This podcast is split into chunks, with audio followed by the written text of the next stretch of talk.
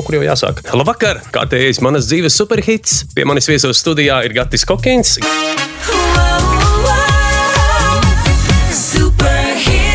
Gati, kas tu esi? Es esmu, nezinu. Es redzu, ka tu esi labs cilvēks, bet ar ko tu nodarbojies? Es eh, savulaik eh, ļoti veiksmīgi piedalījos eh, optikas uzņēmuma dibināšanā, kurš faktiski tagad ir laikam lielākais optikas uzņēmums Latvijā, redzes aprūpe. Un es domāju, tādā kapacitātē arī šodien startēsim. Runāsim, jā. Burvīgi klausies. Noklausāmies tev pirmo dziesmu no tava top 5. Paldies, ārkārtīgi laba dziesmu izvēle. Piektajā vietā no tavas izvēles ir Elija Goldinga ar Anything Can Happen.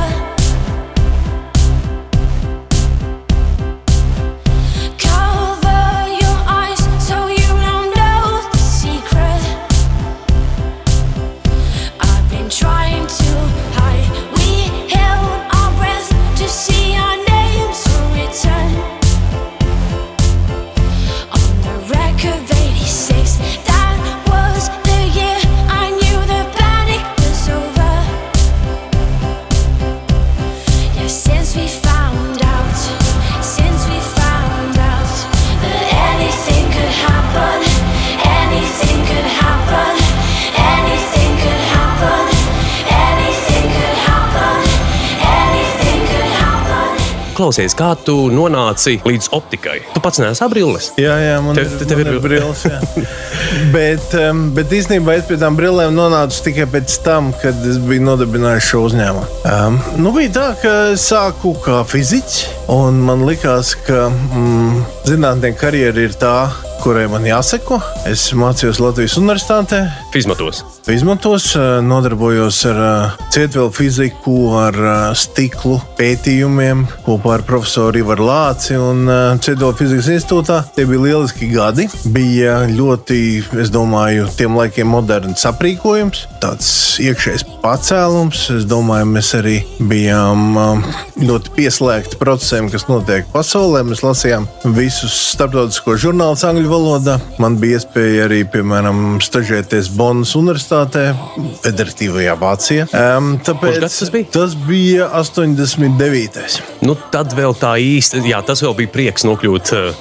Tas bija milzīgs prieks. Un es atceros, kā pa ielām staigāja tādi, tādi padomju virsnieki e, ierēbuši, jo arī tur tās sienas bija sākus krist un viņi e, sāka infiltrēties rietumu pasaulē. Nu, lūk, un um, pavisam drīz palika skaidrs, ka um, Latvija ies tirgus uh, kapitālismu ceļu, un arī bija skaidrs, ka finansējuma zinātnē vairs tāds nebūs. Un tā kā man jau bija um, izveidojusies ģimene, un viņi bija jāuztur. Tad bija skaidrs, ka jāiet biznesā un, um, un no fizikas pārorientēties uz optiku un optometriju nebija tik sarežģīti. Tur palīdzēja mums uh, itāļu partneri, kuri fakti, ar kuru palīdzību mēs Latvijas universitātē uzsākām optometrijas tādu tā studiju programmu. Un es tajā laikā uh, arī tur piedalījos, mācījos itāļu valodu, itāļu studentiem, uh, palīdzēju vadīt um, laboratorijas darbus fizikā. Un Un, un, un palika skaidrs, ka, ja mēs varam apmācīt itāļu studentus, tad tas noteikti jādara Latvijas studentiem.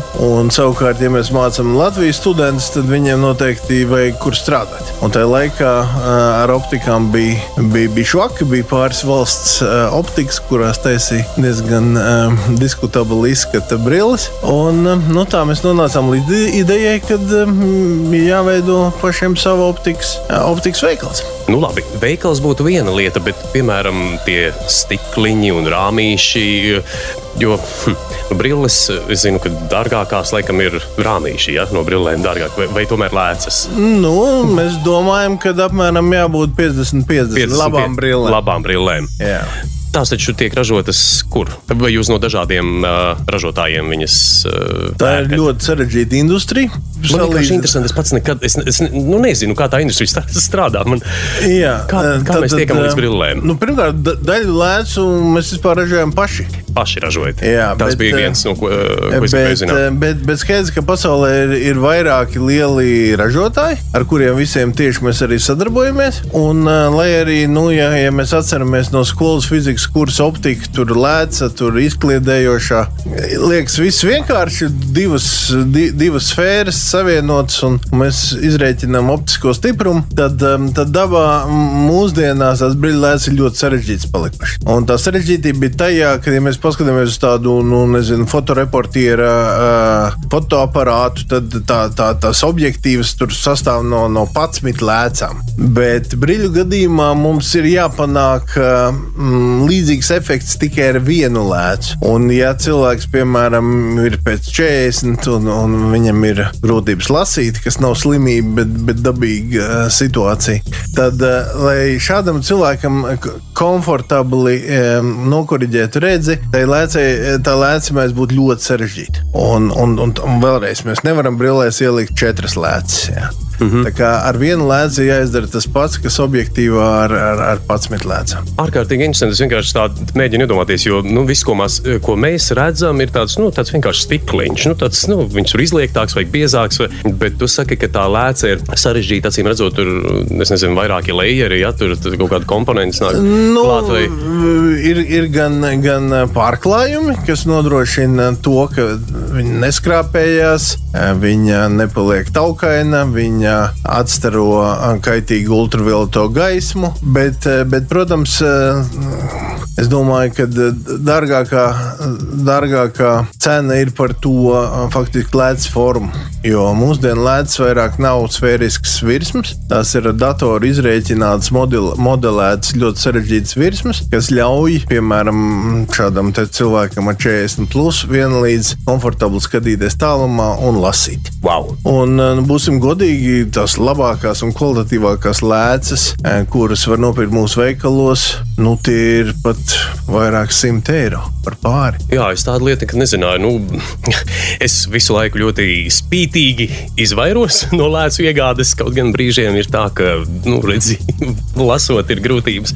Bet nu, tas tā. Bet nevajag kavēties, tu nepalīdzi sev. Nu, Tikai moki sevi. Droši vien, droši vien, jā. Nē, nu, kamēr es vēl šeit tieku galā, tikmēr es ir jūtos Klausies, par- parunājam par um, Eliju Goldingu un uh, Any- Anything Can Happen dziesma. Viss var notikt, kā viņa dzied. Vai, vai Nu- tev viss ir noticis, vai viss vēl notiek? Uh, Kādas tev vēl ir ambīcijas? Jo, nu, teiksim, nopietnas uzņēmums, un tu esi uz, nu, saka, dibinājis, jā, vai līdzdibinājis šo te Nē, nu nu, skaidrs, ka tā dziesma par mīlestību, vai ne? Viņi Protams. runā par diviem cilvēkiem, starp kuriem viss, kas var notikt. Um, um, bet, Par mīlestību mēs arī parunāsim. Jā, bet, bet, bet, ja mēs runājam plašāk, es domāju, ka ar šo dziesmu bija jāsāk, tāpēc, ka nu, redz, tās krīzes viņas bieži vien mēdz būt ļoti negaidītas. Un, ja Tu domā, Talebs- cilvēciskās krīzes vai Nu, vispār? arī ekonomiskās un, un, un, un, un globālās krīzes. Ja? Un, ja Talebs uh, to sauc par melnā gulbja efektu, tad, uh, tad uh, nu, mēs, mums tagad tas ir pilnīgi. Uh, Katram bērnam zināms vārds, tas ir Covid. Un, um, un es domāju, ka jā, nu, gan biznesā, gan dzīvē ir jārīkojas tā, lai tu būtu gatavs, ka jebkas var notikt. Jo, nu, labi, šodien tā ir sli, e, globāla pandēmija. Rītdien var uzsprāgt Yellowstone's vulkāns Amerikas Savienotajās Nu, Tas valstīs. ir Dievs, jā.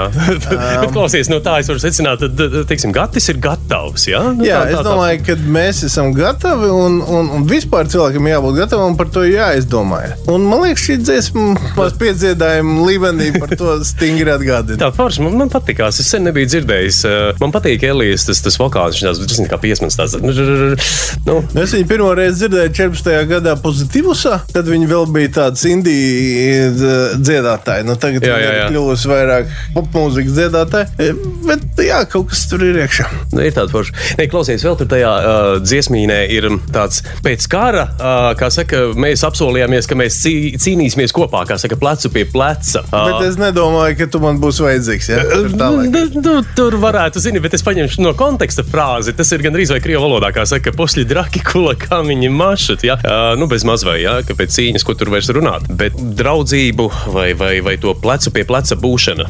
Jā, jā mēs, mēs faktiski esam nu, trīs ģimenes, kas, kas ir pašlaik ī- īpašnieki Ocei Višnam, un, un, un, un un mēs jūtamies ļoti komfortabli. Bet tas, bet tas kariņš, bet tas kariņš jūs aiz, aizķēra visa tā nu, nebūšanas. Nu, mēs pat daudz, daudz par tām negribam runāt. Bet, uh... Nē, ļoti nopietni. Mums bija periods pagājušajā gadā, kad mums apgrozījums nokrita pa 70%. Un skaidrs, ka uh, mums ir vairāk simti darbinieku, kuriem jāmaksā algas. Un, uh, un, un tas bija ļoti sarežģīti. Bet tajā pašā laikā, nu, atkal tā pleca sajūta, mēs kaut kādā mirklī skaidri sapratām, ka mēs nu, vismaz šajā krīzē nerīkosimies tā, ka mēs pusi darbinieku atlaidīsim. Faktiski mums neatlaidām nevienu darbinieku. Tur varētu jums uzsist uz pleca, bet kā tad nu, varēja savākt visu to kopā? Tā, nu, tā, nu. Nu, bija sarežģīti. Šajā krīzē, manuprāt, relatīvi labi noperformēja valsts. Proti, šie dīkstāvus pabalsti un, un arī darba kapitāla iespējas, kuras mums ir devusi Latvijas Investīcija attīstības aģentūra mm -hmm. un Altums, nu, mums faktiski krietni palīdzējuši. Tā kā, tā kā tādā nozīmē es ceru, ka arī citi uzņēmēji, kuri ir bijuši godīgi nodokļu maksātāji, diezgan efektīvu palīdzību ir saņēmuši no valsts šoreiz. Tā nebija 2008. gadā. Mm -hmm. Tur mums nācās atlaist cilvēku. Nācās. Nu, kā saka, lai Dievs dod, lai lietas iet tikai kalnu no šīs vietas turpmāk ejot. Atgādināšu, pie mums viesos ir Gatis Kokins, OC Vision, Vision Express, Visionet, Lenzor un Optio. Optio. Pārējiem pie tavas nākamās dziesmas, ko tu izvēlējies kā savu playlistī. Tātad Gatis mums dīdžejo, un ceturtajā vietā ir, es īstenībā par to pabrīnījos, Lady Gaga ar Poker Face.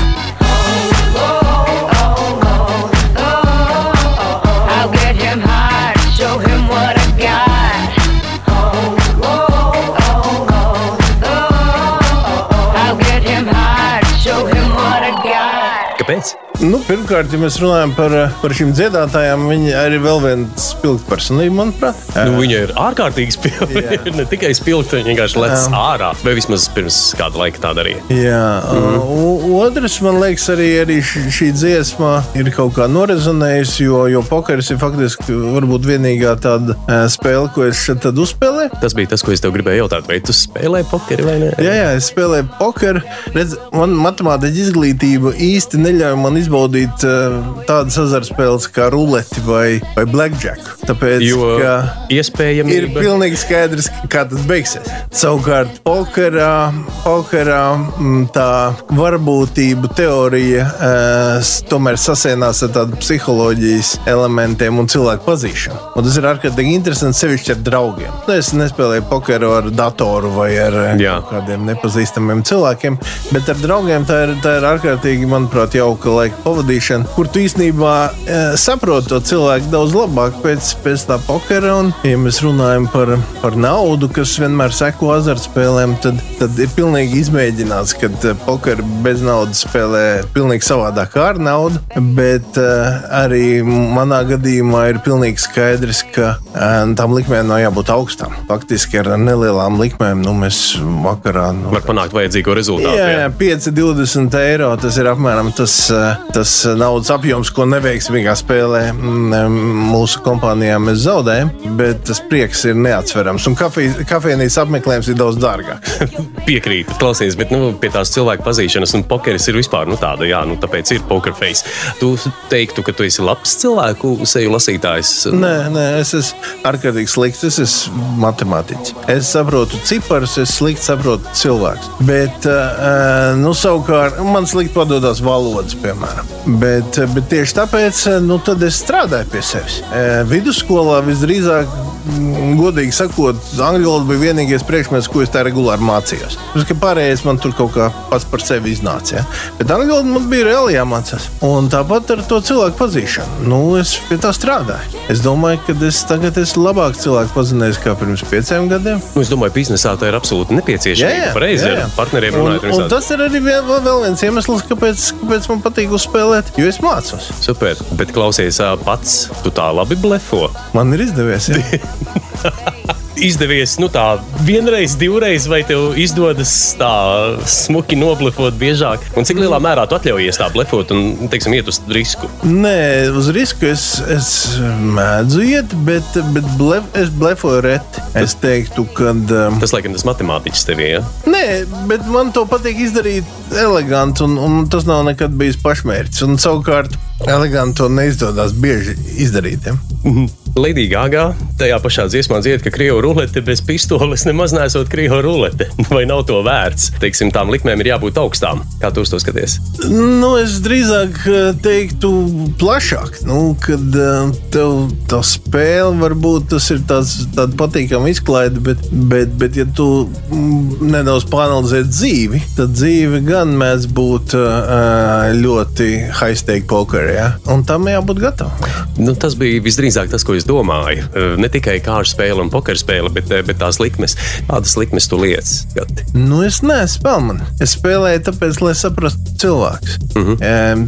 Īstenībā dzīvē es, es, es mēģinu um, būvēt to ēku pamatīgi un sistemātiski. Un es nepaļaujos uz, uz gadījumu vai uz veiksmu. Bet biznesā tāpat nākas riskēt pareizi. Jā, bet tam jābūt izkalkulētam, pārdomātam un drīzāk um, tad mēs runājam par to, ka tev ir jābūt kaut kādai tādai varbūt vīzijai, kur var nepiepildīties. Un tad gan tev jābūt pietiekoši drosmīgam, lai pateiktu, jā, mēs ejam tajā virzienā. Bet uh, zinot, ka tā var būt uh, kļūdaina vai, vai neveiksmīga, um, tai pašā laikā Nu, bet, piemēram, tu vari samazināt to risku un, un iespējamo zaudējumu. Bet, skaties, piemēram, esot cilvēks, kas studē zinātni, un tu vienkārši tāpatās, tas jau bija kaut kāds risks, aizejot biznesā, ne? vai stingri tu biji piespiest pie sienas. Nē, nu, tas, tā bija apzināta izvēle. Jā, Jā es visdrīzāk, saka, būtu turpinājis pētīt elektronu ķērāju centrus svinu fosfātu stiklos. Vēl kādā veidā, ko tas nozīmē. es domāju, neviens nesaprot, ko tas nozīmē. Bet, nu, pieņem, tas, Jā, Bet, bet tā bija apzināta izvēle, un, un godīgi sakot, no, no tāda, no tāda varbūt intelektuālās slodzes viedokļa, nu, tas ir tagad daudz vienkāršāk. Proti, nu, tās manas zināšanas matemātikā nu, tiek izmantotas reālajā biznesā varbūt par, par 10%, bet ir kaut kādas citas lietas, un, un kāpēc nē? Nu, ja mēs runājam par risku, nu, piemēram, atgriežoties pie optikas, mums bija tāds pats viens no senākajiem zīmoliem pasaules optika, kas bija, manuprāt, brīnišķīgs, jauks uh, nosaukums. Mums bija 11 veikali ar šo, šo, šo nosaukumu, bet, nu, jā, mēs uh, rūpīgas analīzes rezultātā um, izlēmām šos veikalus pārdevēt. Kamēr vispārējie veikalu tīkli ir saglabājuši savus nosaukumus, mēs pasaules optiku pārdevējam par vizioneti. Un tur mums ir diezgan garš stāsts, kāpēc mums bija vajadzīga vizioneti un kāpēc vairs nederēja pasaules optika. Nu, tas ir, nu, tas ir starptautiskais uzreiz tāds tā izrāviens. Tas jā? ir gan, gan, gan starptautiskais izrāviens, gan arī tas, ka mēs varbūt ar pasaules optiku nu, tādā mārketinga pozicionējumā bijām, bijām nedaudz iebraukuši greizi. Savukārt vizioneti ir 20. 21. gadsimta optika, redzes aprūpe aprūpe, faktiski domāt visiem moderniem cilvēkiem. Jā, nu, tas risks, eh, es domāju, 2015. gadā sākt eh, vienas lielas optikas ķēdes eh, pārsaukšanu. Jā, apakšā nebija nekāda tieša un objektīva nepieciešamība to darīt. Runājot par 21. gadsimtu, mēs klausāmies 21. gadsimta superhitus. Pie manis viesos studijā ir Gatis Kokins, OC Vision, Visionet, Lenzor, Optio. Optio. Jā, visas šīs ar acīm un acenēm saistītās lietas eh, ir gata pārziņā. Tad nu klausamies to nākamo izvēli. Man patīk tā dziesma Imagine Dragons Thunder. Just a young gun with a quick fuse. I was uptight, wanna let loose. I was dreaming of bigger things and wanna leave my old life behind. Not a yes sir, not a follower. Fit the box, fit the mold, have a seat in the foyer. Take a number I was lightning before the thunder. thunder, thunder, thunder, thunder, thunder, thunder, thunder, thunder, thunder,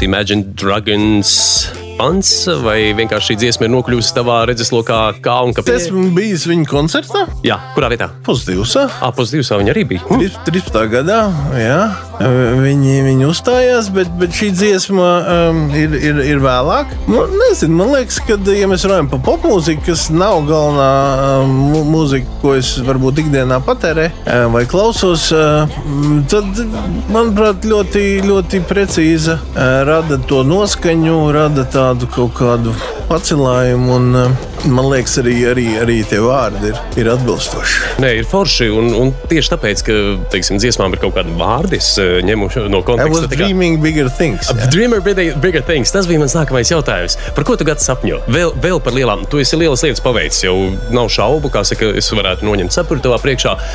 Bet uh, Nē, es vīzija, ko tu redzi vēl tālāk? es domāju, nākotnē? mums, šis optikas bizness ir uh, rīktīgi jāizved tādā starptautiskā arēnā. Uh, jo, jo ja, lai, lai arī mēs esam iespējams lielākie Baltijā, bet mēs esam vēl ar vienu ļoti mazi. Tagad tas ir tas bērns, kas, kas, uh, kas ir jāizaudzina. Kas kļūst par pusaudzi pamazām jau? Es ceru, jā, ar visām. Tagad ceri vai, vai, vai nu jau tā kā mēs redzam, kad viņi Nē, es tagad domāju, tās, tās, tās problēmas, kas mums ir, ir tās tīņa vecuma lieta vai, vai kaut kas cits. ne? Nu, lūk, un, uh, un, un, un, protams, nu, mēs arī domājam, kā var palīdzēt valstī, kā varbūt var to biznesa vidi sakārtot, kaut kādu korporatīvo pārvaldību uzlabot. Nu, jā, un, un, un es domāju, ģimene, jā, tā, ir, tā ir lieta, kāpēc tu no rīta īstenībā mosties un ej uz darbu. Vai ne? Tev liela ģimene ir. Jā, jā, man diezgan liela. Man ir pieci bērni. Bravo! Saproti, ir, ir mūsu cilvēki, kas uzdrošinās, dara un ir. Jo, nu, ko mēs dzirdam, mūžīgi un daudz ir par to, ka demogrāfiskas problēmas. Nu, bet tur nav ko muldēt. Tur nav ko jā. muldēt, tur jāņem un jādara pareizi. Un, un, un, kā, jā. Bet es to, protams, nebūtu izdarījis bez manas sievas Sandras, uh, uh, jo tā nav viena cilvēka nodarbe. Un, uh, nu, jā, man liekas, arī, arī sieva mainīšana nav, nav laba nodarbe. Tā kā, tādā nozīmē pagaidām iet ļoti labi. Super. Šī brīdī teiksim, mēs varētu uzgavilēt tev un tavai sievai Sandrai par ģimenes vērtību, uzturēšanu, un ne tikai uzturēšanu, bet arī ā, kuplināšanu. Mums latviešu valodā tāds vārds. Quick Fuse, vēl Imagine Dragons. Tu esi Quick Fuse. Man liekas, ka tu neesi, bet uh, pajautāt man gribējās. Tu ātri aizsilsties, ātri iededzies ar kaut ko vai aiz kaut ko. Mm, Jā, es, es neesmu es tāds holerisks pietiekoši. Cita lieta, ka to varbūt tā ārēji nevar redzēt. Es, es, es sevi menedžēju. To Bet, bet, bet iekšēji man, man ir lietas, kas, kas eh, ļoti ierosina un, un kuras es gatavs pēc tam varbūt līdz, līdz vēlē naktī pie, pie, pie šiem jautājumiem strādāt. Un tas, tas ir arī viens no maniem trūkumiem, jo, jo bija kaut kāds periods, kad, kad man viss likās interesanti, es visu uzsāku. Un man bija, es nezinu, pieci paralēli biznesa projekti. Un, un, un tas prasīja ārkārtīgi daudz varbūt enerģijas un, un beig, beigās nepietika laika viņiem, un arī, arī tā kvalitāte attiecīgi zuda. Tā kā kaut kādā mirklī es teicu, pagaidi, pagaidi, mieru, tagad fokusējamies. Ja? Bet fokusējamies manā gadījumā tas arī nozīmē uz kādām trim lietām, kā minimums. Kā ja. minimums. Bet Skaties, bet tīri emocionāli, kas tev visvairāk aizķer? Pieņemsim, sadzīvē vai, vai kaut kādās lielākās struktūrās. Nu, ir tādas kaut kas, kas tev, kas gatim ir tik ļoti nepieņemams, ka tu esi gatavs, kā saka, sprāgt gaisā. Nu, kaut kas nelietīgs un negodīgs. Piemēram, te nu skaidrs, ka mēs visi zināmā mērā, pat ne zināmā mērā, mēs uh, esam labticīgi, mēs esam audzināti saka, šajā pareizo it kā to lietu norisu formā. Es nezinu, nu, kā, kā to Nu, es nezinu, kaut kādā mirklī es domāju, mūsu, mūsu līdzcilvēki kaut kā sajūt, ka ir kapitālisms, cilvēks cilvēkam vilks, un, un daži to ir tā baigi nopietni e, ņēmuši e, savā arsenālā un, un, un mēdz uzvesties ļoti nežēlīgi un, un nelietīgi. Tā kā, tā kā es nedomāju, un, un, tas ir kaut kāds fenomens, tās 90. gadu un 10. gadu varbūt um, fenomens, kur īsti, piemēram, tādā zviedru vai vācu vai, vai, vai uh, britu uh, sabiedrībā tu nejūti. Ja? Jo tur varbūt, nezinu, tas mežonīgais kapitālisms 18. gadsimtā tur pārgāja pāri, un, uh, un, un tagad tā sabiedrība ir daudz harmoniskāka. Savukārt šeit, nu, es domāju, tas, tas procents, kas ir gatavi nu, savus mērķus sasniegt, jebkuriem līdzekļiem, ir, ir, ir paliels. Nu, tas besīja reāli. Okay, tu pateici pats to mērķi sataisno līdzekļus. Nu, tas ir ļoti plašs koncepts, bet uh, nu, tā es teiktu, ka nē.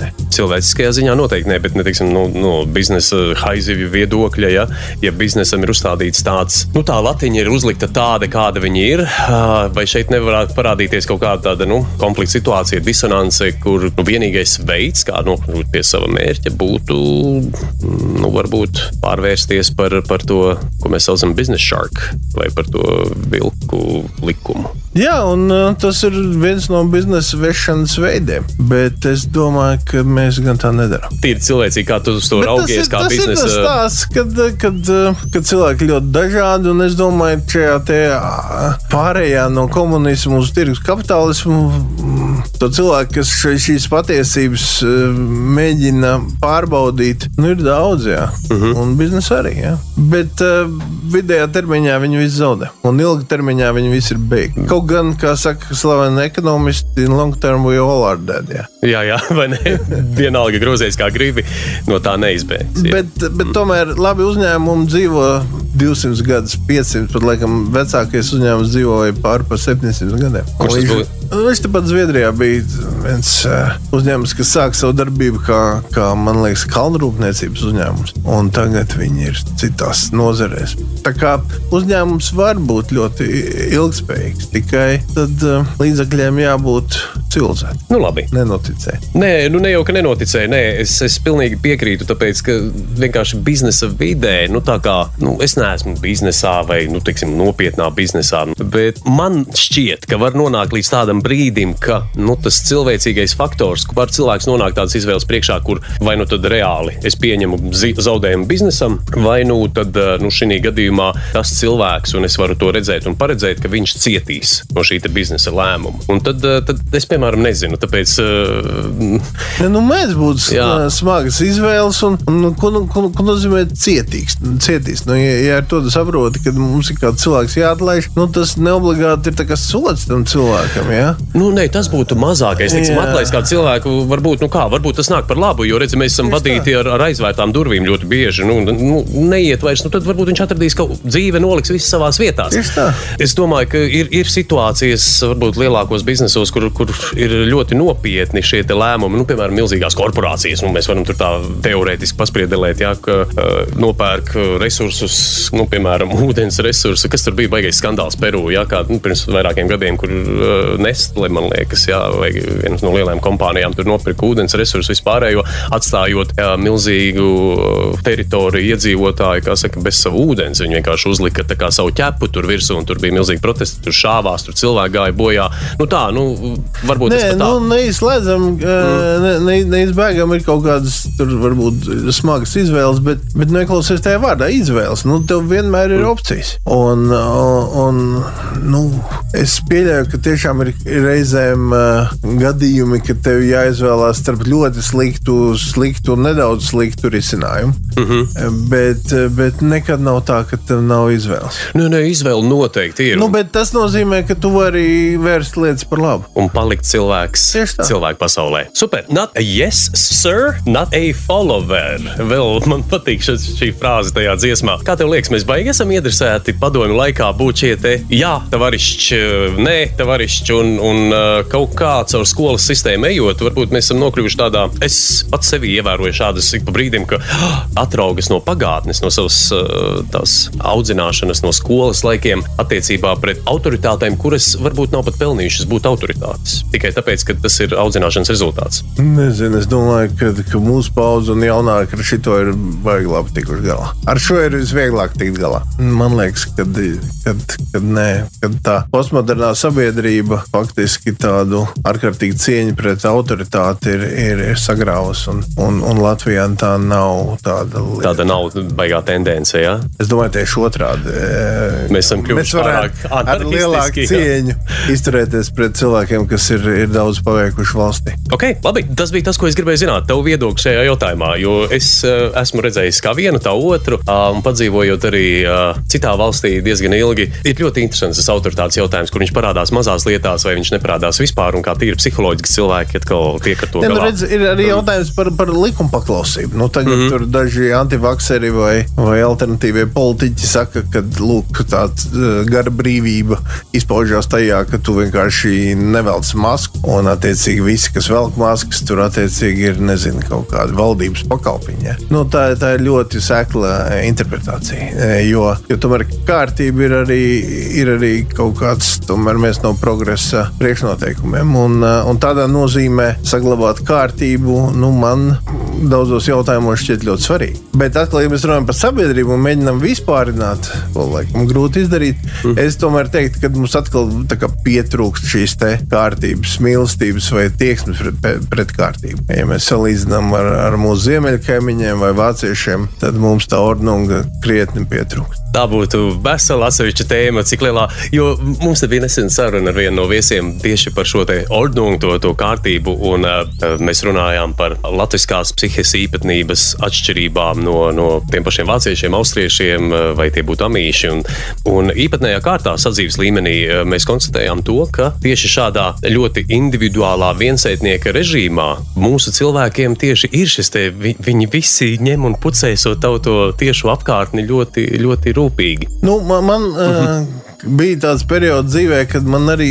likās ļoti interesanti atrast tādas kopsakarības, kas ir nācijai un, un ar ko tad latvieši atšķirās no lietuviešiem vai igauniem vai, vai, vai ar ko luterticīgi atšķirās no katoļiem. Bet, bet tagad es kaut kā esmu nonācis pie pretējas pārliecības, ka tā ir tāda maldu zinātne un maldu nodarbošanās. Bet tajā laikā kādi tev bija secinājumi? Nu, cik tālu tu, tu papētīji Nu, protams, likās, ka latvieši ir paši labākie. Un, un, un man ir bijis periods, kad, eh, kad es būtu līmējis sev uz mašīnas uzrakstu Latvijas. Mm. -hmm. Savukārt tagad es uzskatu, ka tie ir nenormāli idioti, kas tā dara. Mm -hmm, kāpēc? Man liekas, ka tā nav lieta, ar ko jālepojas, un tā nav lieta, eh, kas tevi atšķir kā cilvēku. Tad uzreiz uzprasās nākamais jautājums. Ar ko tad mēs varētu lepoties, nu, teiksim, tādā līmenī, lai uzliktu stikeru uz mašīnas? Ar um, savu lielisku uzņēmumu man ir rakstīts OC Vision uz uh, numurzīmes. Tā kā, tā kā kāpēc ne? Ja tu esi izveidojis biznesu, nu kā tev nav jākaunās, ja tu maksā nodokļus un tev neskrēja pakaļ parādu piedzinē. Aha, un tīri tās ir kā nedaudz divas kategorijas. Mēs, nu, tā kā Latvijas, tā kā OC Vision uzņēmums, biznesa struktūra, bet ja mēs paņemtu varbūt kaut kādu vispār cilvēcisko Nu, Cilvēki vērtību. ir ļoti dažādi, un, mm. un, un ir uh, kā saka, strādīgi cilvēki Latviešu vidū, un ir strādīgi cilvēki Krievu vidū. un Protams, vidū. protams, viņi Un, ir, un, un jā. paziņot, ka latvieši ir strādīgāka nācija kā citi, tad mēs aizbraucam uz Lielbritāniju un redzam, ka tā nu, gluži nav. Ja? Jā, Uh, nu, lūk, bet, eh, bet atgriežoties pie, pie, pie tiem vispārinājumiem, um, tad, kad es vēl mācījos tajā Zviedru skolā, tad uh, tur bija tāda biznesa kurs, kurā vie- vie- viena no grāmatām, kas bija jālasa, bija par vadītāju kvalitātēm. Proti, tur bija pētīts, nu, kādam jābūt cilvēciskām īpašībām, lai tas būtu vadītājs. Vai viņam jābūt ļoti nosvērtam, mierīgam, vai viņam jābūt ļoti e, ekspresīvam un impulsīvam, vai viņam jābūt loģiski domājušam vai intuitīvam. Un tad, kad es izlasīju secinājumus, tad faktiski tā mana attieksme arī lielā mērā mainījās. Jo secinājumi bija tādi, ka nav nekādas sakarības. Tu vari būt brīnišķīgs eh, vadītājs, eh, ar klusu balsi noslēgts. Un tu vari brīnišķīgs vadītājs būt, kas bļaustās, lamā savus darbiniekus, ļauj iekals pa gaisu. Tam nav nekāda sakara ar to, kas tu esi vadītājs. Tas ir sakars ar to, kāds tu esi cilvēks, kā tu varbūt patīc saviem darbiniekiem, bet uz darba tas neatstāja nekādu iespēju. bet tad uzreiz man liekas, kas tad ir tas tā, tā, tā sāls, tā, tā sērde, kas veido labu vadītāju? Nezinu, attieksme un Nu, pieredze. Klau, tu esi labs vadītājs. Tas jāprasa maniem padotiem. Tiesa. Žēl, nav neviena, kam pajautāt, bet es Bet, ticu, ka... nu, redziet, man karjeras savā ziņā ir izdevusies. Jā. Līdz ar to no tā kāds vērotājs varētu secināt, ka es esmu ciešams. Gan jau tu kaut ko dari Jā. pareizi, vai ne? Labi, klausamies to nākamo dziesmu. YouTube, stuck in a moment with you.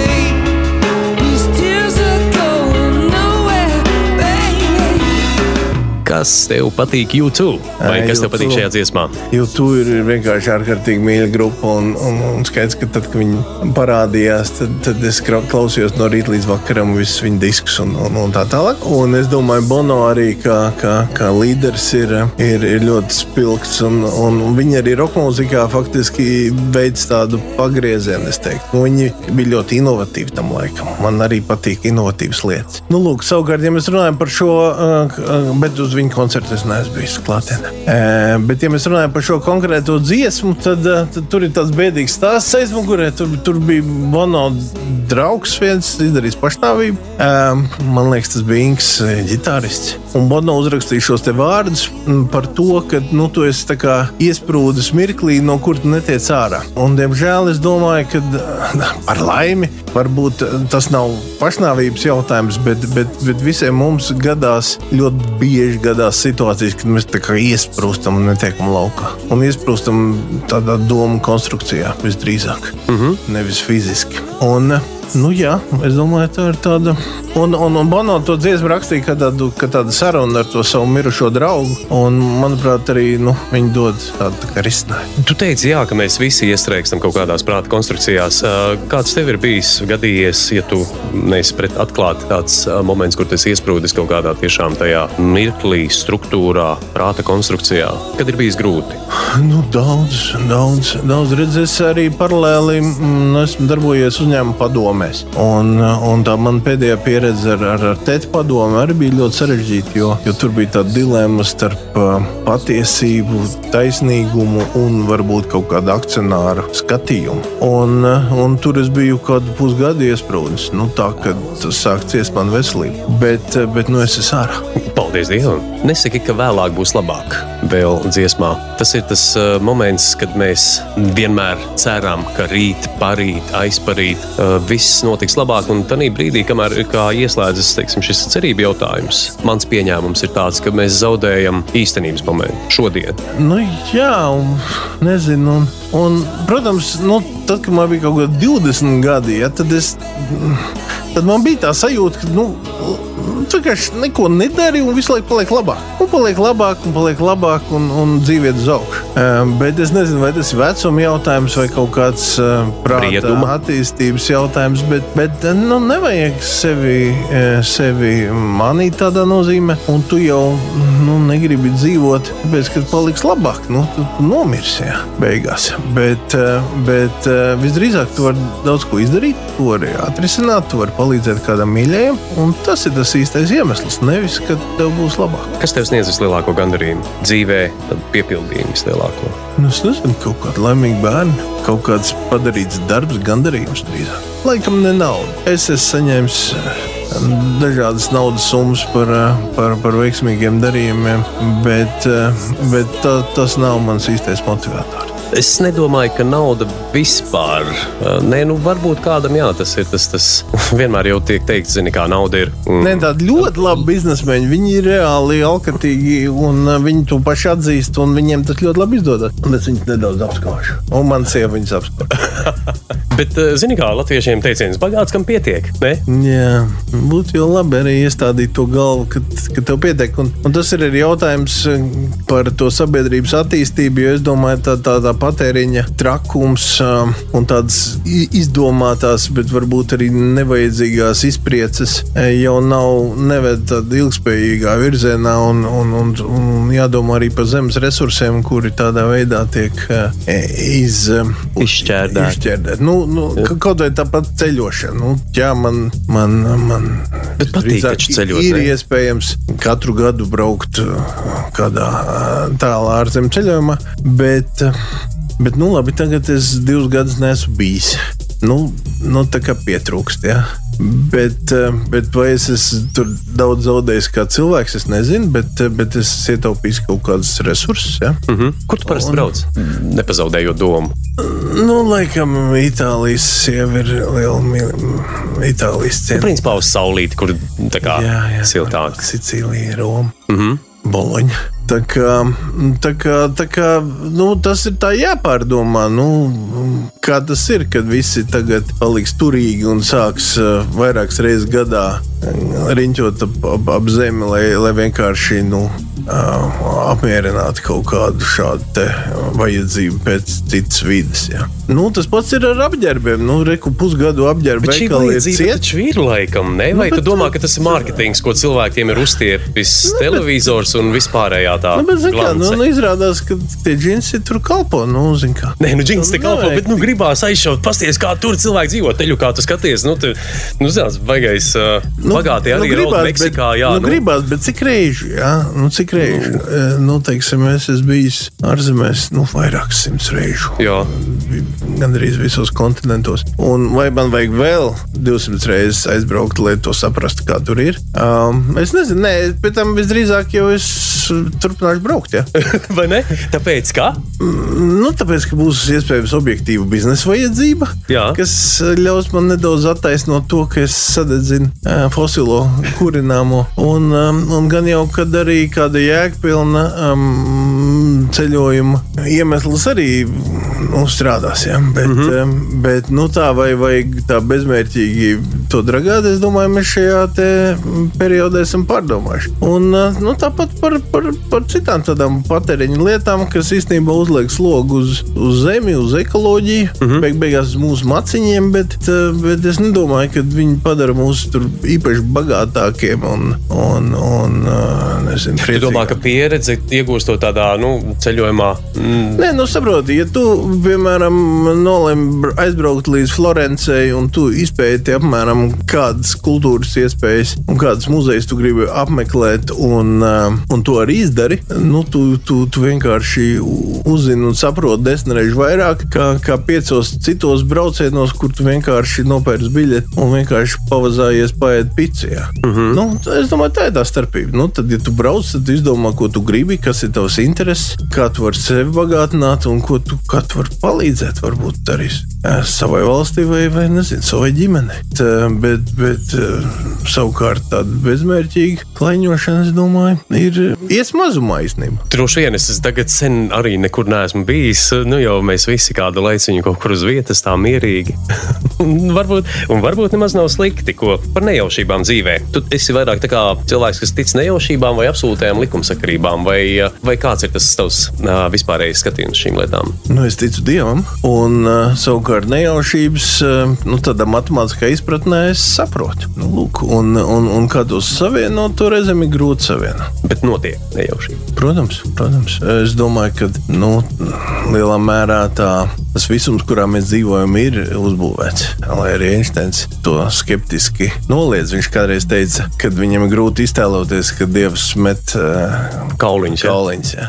Bet, um, bet nu, Bībelē tā nav rakstīts. Un, uh, un arī kvantu fizikas uh, likumi, kas ir uh, ļoti pārbaudīti un, un lieliski strādā, liecina par šo nejaušības klātbūtni dabā. Tā ir vienkārši tāda īpašība. Par to droši vien neviens, neviens droši droši vien neuzņemtos apstrīdēt, ka uh, nejaušības nenotiek, bet uh, salīdzinoši īpatsvars, kā tev liekas, nu, piemēram, kā fiziķim uh, vai kā cilvēkam, kas ir uh, divbijīgs, kā tev liekas tā, tā proporcija, kāda ir nejaušībām attiecībā pret uh, varbūt dieva gribu. Jo, nu, piemēram, es pieņemu viedokli, ka manā dzīvē neviens cilvēks neienāk nejauši. Viņš ir atnes, atnācis, mm, nolikts tur, lai varbūt es ieraudzītu to labāk, kas man ir jāierauga kā individam, iespējams, vai arī notikums tā, tāds parādās tur. Es nevaru atbildēt šo jautājumu. Tāpēc, ka. Tas nav pat īsti jautājums, tas tā mēs pafilozofējam. Nu, kā lai to saka? Pirmkārt, mēs labprāt ļaujamies nejaušībām. Ja, ja mēs gribam tādu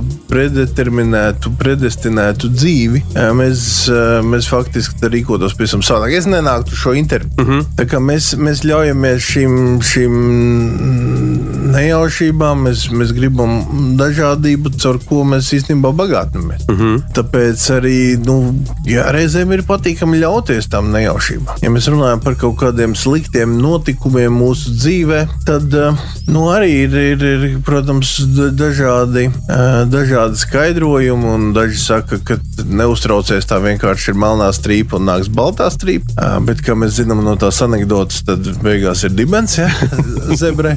Jā.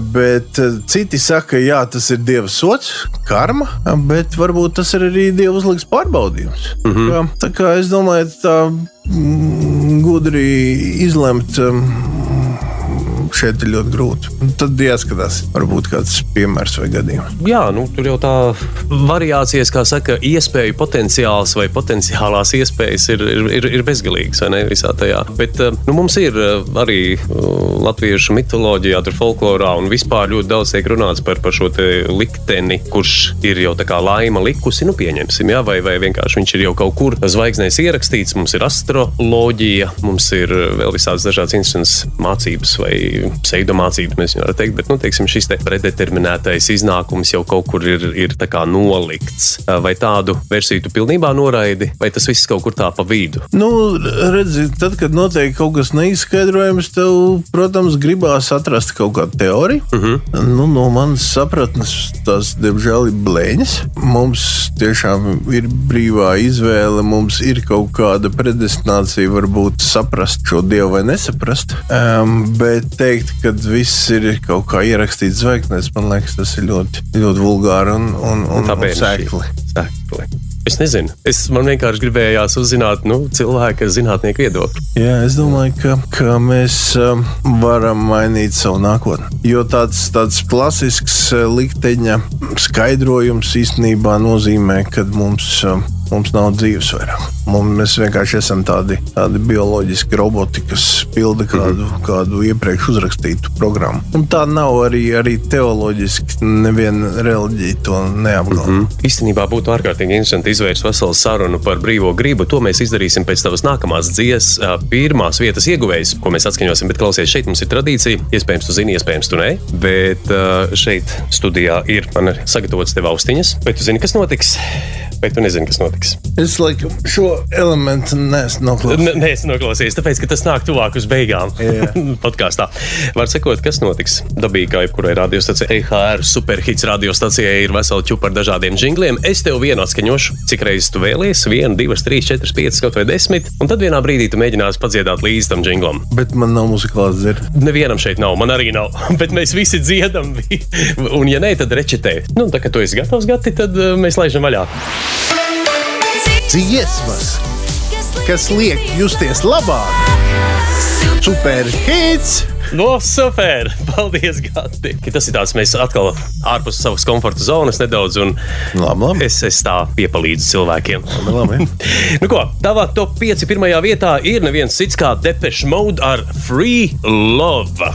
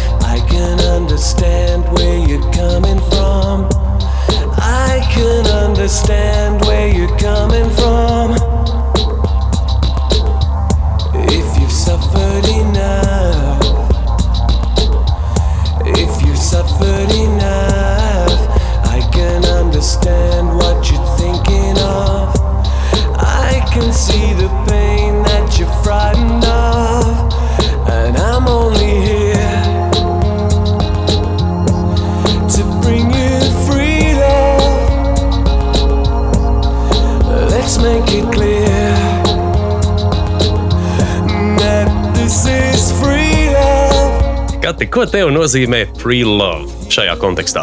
Jā, nu, pirmkārt, Dibiša Mode bija tā grupa, kas arī padomju laikā un skolas laikā bija, bija kaut kāds brīvs, brīvs, um, brīvības elpa. Un, uh, un tiešām uh, viss pažobels bija aprakstīts ar dēm tajā laikā. Un es esmu bijis uz daudziem Dibiša Mode koncertiem, gan Latvijā, gan, gan mēs arī ar draugiem 2017. gadā aizbraucām uz Frankfurti, tur tas Exciter Tour piedalījāmies. Nu, ārkārtīgi, es domāju, profesionāli celmlauži eh, Sinti popam un elektroniskai mūzikai. Nu, lūk, un, un, un ja mēs runājam par, par, par to brīvo mīlestību, varbūt nu, ne tādā vulgārā izpaus, izpratnē, bet, eh, bet, tur, bet tur ir tajā piedzīvojumā eh, no strings attached, eh, no hidden catch. Man liekas, tas ir ārkārtīgi svarīgi, ka, ka, ja, ka mīlestībai jābūt bez nosacījumiem. Viņai tiešām jābūt tādai ļoti um, atklātai un tiešai. Nu, tā ir rakstīts Bībelē. Tieši tā, un, un, un man liekas, ka nu, tas, tas piedzīvojums man patīk vairāk varbūt, nekā, nekā tā, tā, tā pārējā lirikas vēsts. Mm -hmm. nu, jā, tāpēc numur viens. Tev no depešiem bija kaut kāda mīļākā dziesma. Nu, es zinu, ka mūsu uh, dziesmu sarakstā skaidrs, ka ir tikai ierobežots daudzums depešu modu. Man liekas, varbūt šī pat vienīgā, jo uh, superhitu līmenī uh, visas uh, nu, nepacēlās. Bet uh, pašam tev no tiem laikiem, par kuriem stāsti. Nu, tur bija Master and Servant, kas bija ļoti iekritusi sirdī. Tad, protams, uh, tas covers tam Personal Jesus, mm -hmm. manuprāt, ir, ir ļoti spēcīgs. Nu, jā, jā, tā. Tās tādas, kas uzreiz uzrunā, ir kaut kāds iemesls, kāpēc tieši šīs dziesmas iekrita sirdī, vai nu, tāpēc, ka Ja, man liekas, ka viņi noķēruši to, to nervu, kas, kas um, atbilst manai tādai kaut kādai būtībai un izpratnē. Un redziet, nu, jā, par to brīvo mīlestību, pēc būtības jau es esmu ļoti liberāls. Uh -huh. nu, it kā saka, ka, ka, ka tie, kas jaunībā ir konservatīvi, tiem nav sirds, un kas, kas briedumā ir liberāli, tiem nav, nav smadzeņi. Tad es piedaru pie, pie pēdējiem. Um, man liekas, ka nu, tādai, tādai iekšējai brīvībai ir jābūt jebkurā vecumā. Un Tas dod ārkārtīgi daudzas iespējas, un, un tas nav jāra, jānoreducē līdz, līdz kaut kādai neķītrībai vai vaļībai, vai jā. vaļībai jā. Mm -hmm. nu, tā. un, attiecīgi, un mīlestībai noteikti jābūt brīvai, un, un, un, un brīva mīlestība var būt pret savu sievu 30 gadu garumā. Tur es tev varu tikai piekrist par, nezinu, lielās dzīves patiesības meklējumiem. Vai tu gati dzīvē esi meklējis, vai tu meklē, vai tu zini, kas ir lielā patiesība? Protams, tas viss ir iekš dievu pasaules, kā tu arī minēji, bet cilvēcīgi mēs jau zinām tā tendēti. Nu, redz, ir, ir, ir kaut kāda eh, jautājums, vai ir objektīvā patiesība, kurai tu tuvojies. Kā tev liekas, ir objektīvā patiesība ārpus mūsu subjektīvās uztveres? Es tomēr teiktu, ka nav. Eh, Un, un, un kas ir eh, interesanti, tā mūsu kultūra, mm, kurā mēs iespējams eksistējam kopš kaut kādiem 80 gadiem, nu, viņi Tu domā latviešu mūsu vidas Nē, es domāju, Eiropas kultūra. Eiropas kultūra. Mhm. Uh, viņi ir, ir, ir faktiski groteskojuši šo tēzi. Un, uh, un, un, un, un kaut kā mēs esam varbūt pat iebraukuši tādā otrā uh, grāvī, kurā tad, um, tā postulācija nozīmē, ka nav nekādas patiesības, un katrs viedoklis ir patiesība. Kas, manuprāt, arī ir ļoti nepareizi. Uh -huh. Tā, bet es domāju, to patiesības meklēšanu nu, katrs jau savā izpratnes līmenī, domāju, to dara visu laiku. Un um, nu, jautājums um, vispār, vai, vai, vai šo jautājumu pētot, ir iespējams progress, ja? vai teiksim, vispār filozofijā ir iespējams progress, vai, vai Kants bija mm, ticis tālāk par, par, par um, Sokrātu. Ja? Nu, lūk, Nu, lūk, tad ir atvērti jautājumi ļoti, bet, eh, bet es domāju, ka um, nu, faktiski par, par to domājot savā dzīvē, tu, tu viņu padari par tādu harmoniskāku un, un, un, un pašam sev patīkamāku, pieņemamāku. Bet Līdz ar to es to daru. Ja? Jā, nu, bet kaut kādas, nu, zini, ir daudz un dažādas prakses, ko cilvēki lieto. Nu, vieniem, piemēram, tas ir uh, krosiņš, viņš skrien un viņ, viņš jūt, kā saka, "Ma- mans treniņš ir mana patiesība, ja, vai tā ir augstākā patiesība. Ir tādi cilvēki, ar kuriem esmu sastapies, citi meditē, citi iet uz baznīcu. Daudz un dažādas lietas cilvēki pielieto, lai kaut kādā veidā, es nezinu, pietuvotos varbūt tai lielākai patiesībai, vai noņemtu tās liekās bruņas un čaulas sev nost, vai tu kaut kādā veidā šo te praktizējumu pielieto? Nē, nu, protams, kad redz, Piecigorskim ir tāds viedoklis, ka cilvēks jau ļoti reti kad domā, ka domāšana ir tāds īpašs stāvoklis ar, un ar to ir īpaši jānodarbojas. Un ka ikdienā mēs dzīvojot un skraidot un rosoties, mēs jau tā īsti nedomājam. Mēs varbūt reflektīvi kaut kā atsaucamies uz, uz, uz ārējo vidi. Un tā domāšana ir kaut kāda tāda svētka. Un, un, un man pašam liekas, ka es šo svētku sev laiku pa laikam sarīkoju. Es tiešām reizēm gan, gan varbūt pastaigājoties vai braucot ar velosipēdu vai pat braucot ar automašīnu, um, nu, noķer to mirkli, kad es sāku domāt. Tāpēc ar auto braucot, domāt ļoti bīstam, jo īstenībā tu paliec ļoti neuzmanīgs. Tas vēl, man tas ir sliktāk kā runāt pa telefonu ar kādu. Mm -hmm. Jo tad, kad es sāku domāt pie stūres, tad es domāju, mans reakcijas laiks tur, tur, tur krietni samazinās. Un, un, un īstenībā tāpēc pēdējā laikā varbūt pie stūres cenšos nedomāt. Tā pašā laikā es to arī nevaru darīt um, nu, kādā troksnī, un, uh, un es to nevaru darīt uh, īstenībā arī mūzikas uh, pavadībā. Tāpēc man ir ļoti grūti strādāt pie atvērtos oficiālos, kur es nevaru sakoncentrēties un atrast to mirkli, kad es varu padomāt. Tāpēc es nekad, um, man fonā nekad neskan mūzika īsti. Ja man mūzika skan fonā, ja man ir kaut kas jākārto vai jādara mehāniski, tad, kad es domāju, tad ir klusums. Un savukārt, tad, kad es uh, gribu klausīties mūziku, tad atkal es neko citu nevaru padarīt. Tad tu to dari apzināti. Tad es klausos to mūziku, un, un tad man ir interesanti, un es esmu aizņemts. Un mūzikas klausīšanās uh, arī ir, es domāju, ļoti svarīga sastāvdaļa. Es esmu ļoti aktīvs uh, mūzikas klausītājs. Es nedomāju, ka man ir kaut kādi mīļākie žanri, un, uh, un tajā evolūcijā arī nu, es esmu gājis no popmūzikas uz varbūt roka mūziku, tad uz džēzu, tad varbūt uz klasisko mūziku, akadēmisko, un tad uz modernu akadēmisko mūziku, un tad atkal atpakaļ uz varbūt kaut kādu džēzu. Jā, varbūt mm, tā mana Spotify faktiskā uh, liste būtu ļoti raiba. savāda un raiba. Jā. Un tur būtu kaut kāds Hugh Koltmans, un tur būtu Karls Heinz uh, Stohausers, uh, un būtu arī, arī, arī popmūzika. Kāpēc ne? Nu jau mūsu laiks ir teju pienācis beigām, mūsu redzējuma laiks. Atgādināšu, ka mūsu mans viesis studijā ir uh, Gatis Kokins, OC Vision un Latvijas optikas veikali. Četri, ja? Mums ir veseli četri optikas veikali. Varbūt tu nosauks viņus vēlreiz. Mēs... Visionet, Vision Express, Optio un kontaktlēts internetu veikals Dr. Lenzors, kurā tagad ļoti lieliski var nopirkt arī brilles, saules brilles, datorbrilles, um, visu, kas attiecas uz redzes aprūpi. Tad, pirms mēs atvadāmies, ko tu novēlētu tiem, kas mūs dzirdēja, kas mūs klausījās? Un turpiniet meklēt dzīves jēgu.